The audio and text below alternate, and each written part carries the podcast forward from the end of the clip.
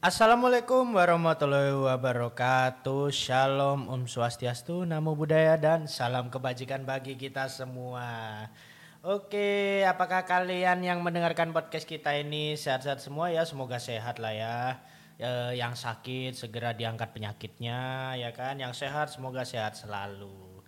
Oke, ini adalah podcast dari eh Kara nih ya, ya yang judulnya eh, dari podcast ini yaitu Kara berkembang nih ya. Nah, apa sih Kara berkembang itu? Nah, di sini eh, Kara berkembang itu mengajak kamu untuk belajar tentang eh, pengembangan diri, kehidupan, terus karir ya melalui podcast ini untuk generasi zilenial, milenial, boomer, siapa aja semuanya eh, welcome untuk mendengarkan podcast dari kita ini ya. Eh oh ya, aku belum perkenalan ya. Eh perkenalkan namaku Bagas Arya Sekti. Kalian bisa panggil aku Bagas atau siapalah bodo amat aku. ya, aku dari Fakultas Hukum Universitas Erlangga nih ya. Aku dari angkatan 21 nih ya. Aku masih maba ya. Jadi ya jangan tanya aneh-aneh ke saya soalnya saya masih maba. Ya, oke kita langsung saja ke eh kita bahas bakal bahas apa sih di sini. Nah, eh di episode pertama ini kita akan membahas tentang self love and self diagnose.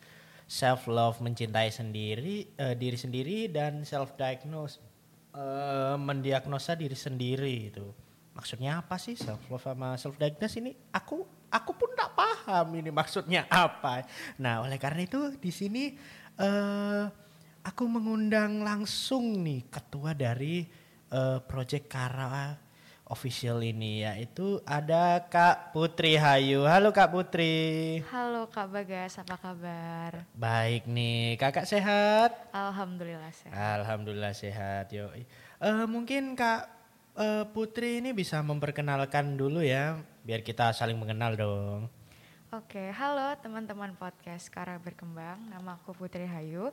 Aku dari Fakultas Ilmu Sosial dan Ilmu Politik Prodi Sosiologi dari Universitas Erlangga tahun 21 juga sama kayak Kak Bagas. Iya, biasa dipanggil siapa nih Kak kalau boleh tahu Putri atau Biasa dipanggil PH Kak. Oh, singkatannya ya malah Iya ya, betul, PH. singkatan. Oke, Kak PH nih ya. Eh, mungkin kita langsung aja nih ya.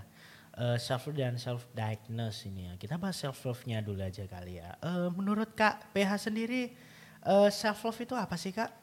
Oke, menurutku self love itu nggak hanya bagaimana kita sayang sama diri kita sendiri, Mm-mm. tapi bagaimana kita bisa menghargai kebahagiaan dari kita sendiri dan mungkin mengapresiasi hal yang kita lakukan dari hal-hal kecil maupun hal-hal pencapaian-pencapaian yang sudah kita lakukan gitu sih Kak Bagas. Hmm, pencapaian kita lakukan.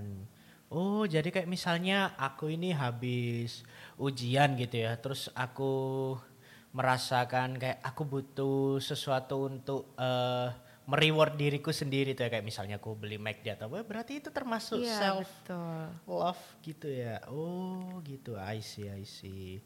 Eh berarti ini self love ini penting banget ya, Kak ya?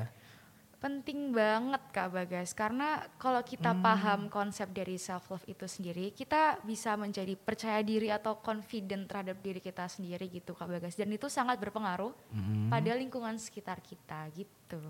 Oh, berarti bisa berefek sampai ke tetangga-tetangga kita, teman-teman kita gitu iya ya. betul.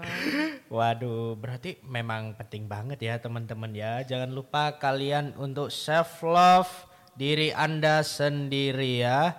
Eh macam-macam self love itu apa aja sih Kak nih? Penasaran nih jadinya. Nah, untuk macam-macam self love yang aku ketahui dan mungkin akan kita bahas di sini berdasarkan buku dan artikel yang aku baca selama ini itu mungkin ada self awareness, self worth dan self care. Untuk pengertian dari self awareness sendiri itu eh, seperti kalau kita mempunyai kesadaran diri yang baik, maka kita kalau menghadapi sesuatu itu akan jauh lebih efektif gitu kak. Misalnya kalau kita menghadapi sebuah masalah atau problem gitu, kita bisa menyelesaikannya dengan sangat baik begitu. Kalau yang self worth itu kita memiliki keyakinan bahwa kita itu sebagai manusia itu sangat berharga gitu kak. Jadi kita tidak membenci diri kita sendiri. Hmm, I see. Nah kalau yang self care itu kita mempunyai uh, apa ya seperti hal yang kita lakukan untuk menjaga kesehatan kita baik fisik maupun batin gitu.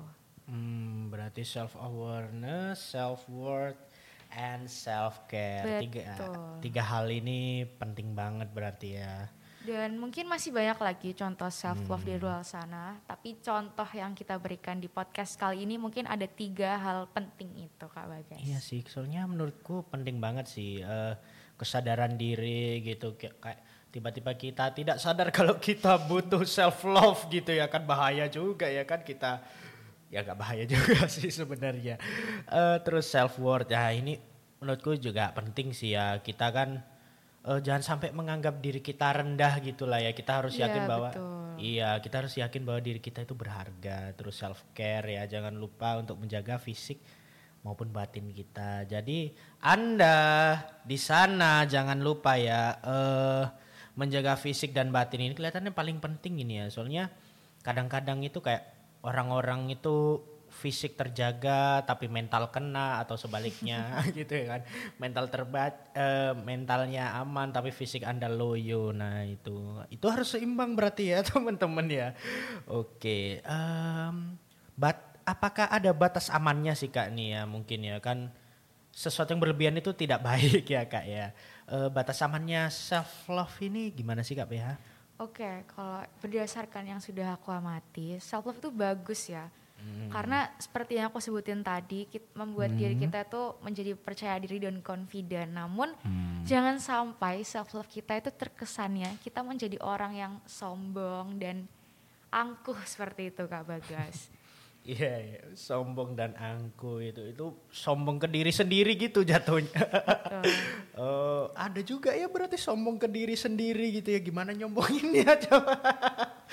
ya berarti intinya itu jangan sampai berlebihan kayak atau mungkin misalnya kayak oh aku uh, habis ujian itu ya kayak contohku tadi itu terus aku beli McD yang harganya ratusan ribu terus aku pergi traveling ke mana gitu sampai habis jutaan itu bukan cuman anda capek doang itu duit Anda habis itu ya. Hati-hati Anda tidak bisa bayar SPP kuliah nanti. Ya berarti intinya nggak boleh over iya, lah ya. tidak boleh over betul. Nah atau mungkin kita langsung bahas self diagnose nih ya. Aku penasaran juga sih dari tadi soalnya ini kayak aku nggak expect gitu bakal ada yang namanya self diagnose atau mendiagnosa diri sendiri itu Uh, kita langsung aja ya. Uh, Kak PH ini menurut kakak ini self diagnose itu apa sih? Oke, okay, menurutku self diagnose itu uh, sangat bahaya ya Kak Bagas. Hmm. Karena kalau misal kita uh, hubungannya dengan self love itu kalau kita udah paham apa itu self love, hmm. kita tidak akan self diagnose ke diri kita sendiri. Hmm. Dan untuk pengertian dari self diagnose itu sendiri mungkin sepahamku itu hal mendiagnosis diri kita sendiri tapi tidak melewati profesional begitu Kak Bagas. Hmm. Tapi mungkin dari pengetahuan yang kita dapat secara mandiri begitu. Pengetahuan yang kita dapat secara mandiri. Mungkin seperti dari media sosial oh. atau dari cuman sekedar browsing aja gitu Kak Bagas. Oh, soalnya aku juga pernah baca-baca nih Kak ya kayak di Twitter gitu kayak apakah anda merasakan kayak misalnya lelah gini gini gini gini? Terus apa jawabannya itu katanya berarti anda sakit mental anda bisa bunuh diri atau gimana?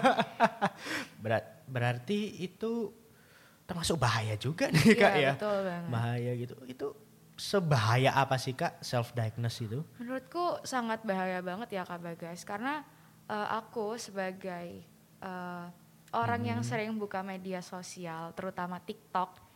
Dan di situ tuh TikTok banyak, iya banyak informasi yang berseliweran tentang mental health. Kayak misalnya contoh uh, ciri-ciri orang bipolar hmm. itu bagaimana atau yang pernah aku temuin itu uh, tentang Google Form dengan pertanyaan seberapa stres kamu dan saya coba iseng ngisi lewat Google Form iya lewat Google Form dan aku coba ngisi yeah. pertanyaan tersebut dan ternyata hmm. aku mendapatkan hasil yang memiliki tingkat kesetresan yang sangat tinggi dengan hanya mengisi Google Form tersebut. Itu waktu itu kakak merasa stres apa enggak tuh? Saya merasa uh, tidak terlalu stres ya Kak Bagas waktu itu.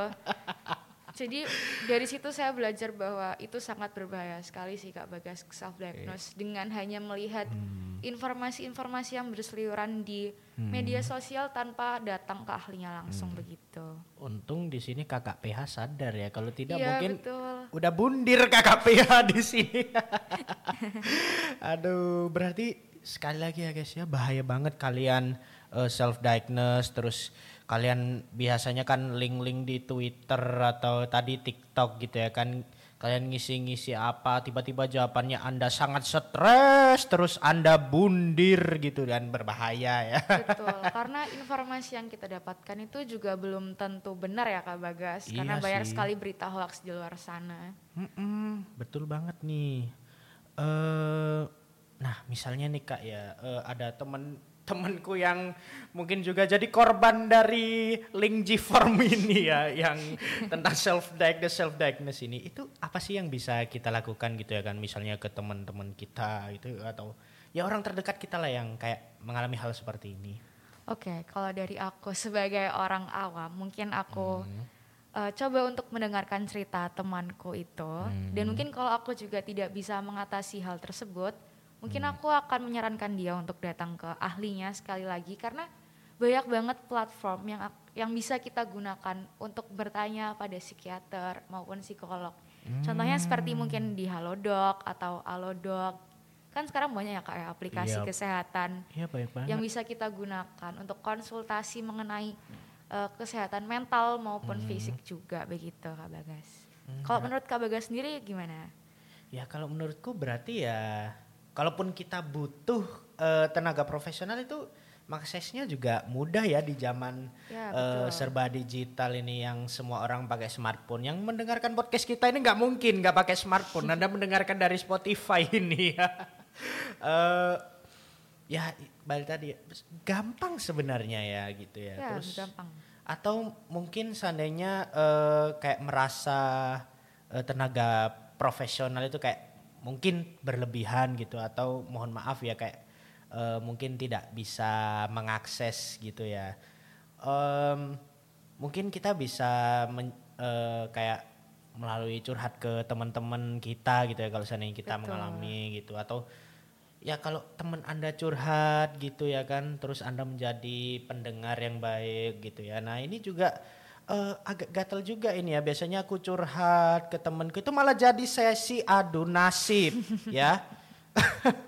Ya masa aku curhat kayak misalnya ngerjain tugas gitu ya kak PH ya. Iya. aduh tugas ini kayak susah banget gitu. Terus temanku bilang ini gampang banget kamu tinggal gini gini gini gini gini. Nah menurut anda kayak gini tuh gampang tapi menurut saya itu susah gitu ya Iya, kan Karena ya. tingkat kesusahan orang kan juga beda-beda. Iya, betul tingkat banget kemampuan orang juga beda-beda. Eh, jadi anda jangan merasa anda mengalami nasib lebih buruk ya ya itu kembali lagi seperti kata kakak PH tadi semua orang eh, menilainya berbeda-beda gitu ya menghadapi dengan eh, beda-beda gitu ya kayak ya. Em, mungkin itu dulu ya kak ya eh, podcast dari kita. Terima kasih kakak PH Terima sudah kasih banyak, Kak ya Bagas. sudah hadir di podcast dari Kara ini. Eh ya kurang lebihnya mohon maaf teman-teman kalau seandainya dari kita ada salah kata. Betul. Eh, Assalamualaikum warahmatullahi wabarakatuh. Shalom Om Swastiastu, Namo Buddhaya dan salam kebajikan. Sampai jumpa di podcast berikutnya teman-teman. Bye bye.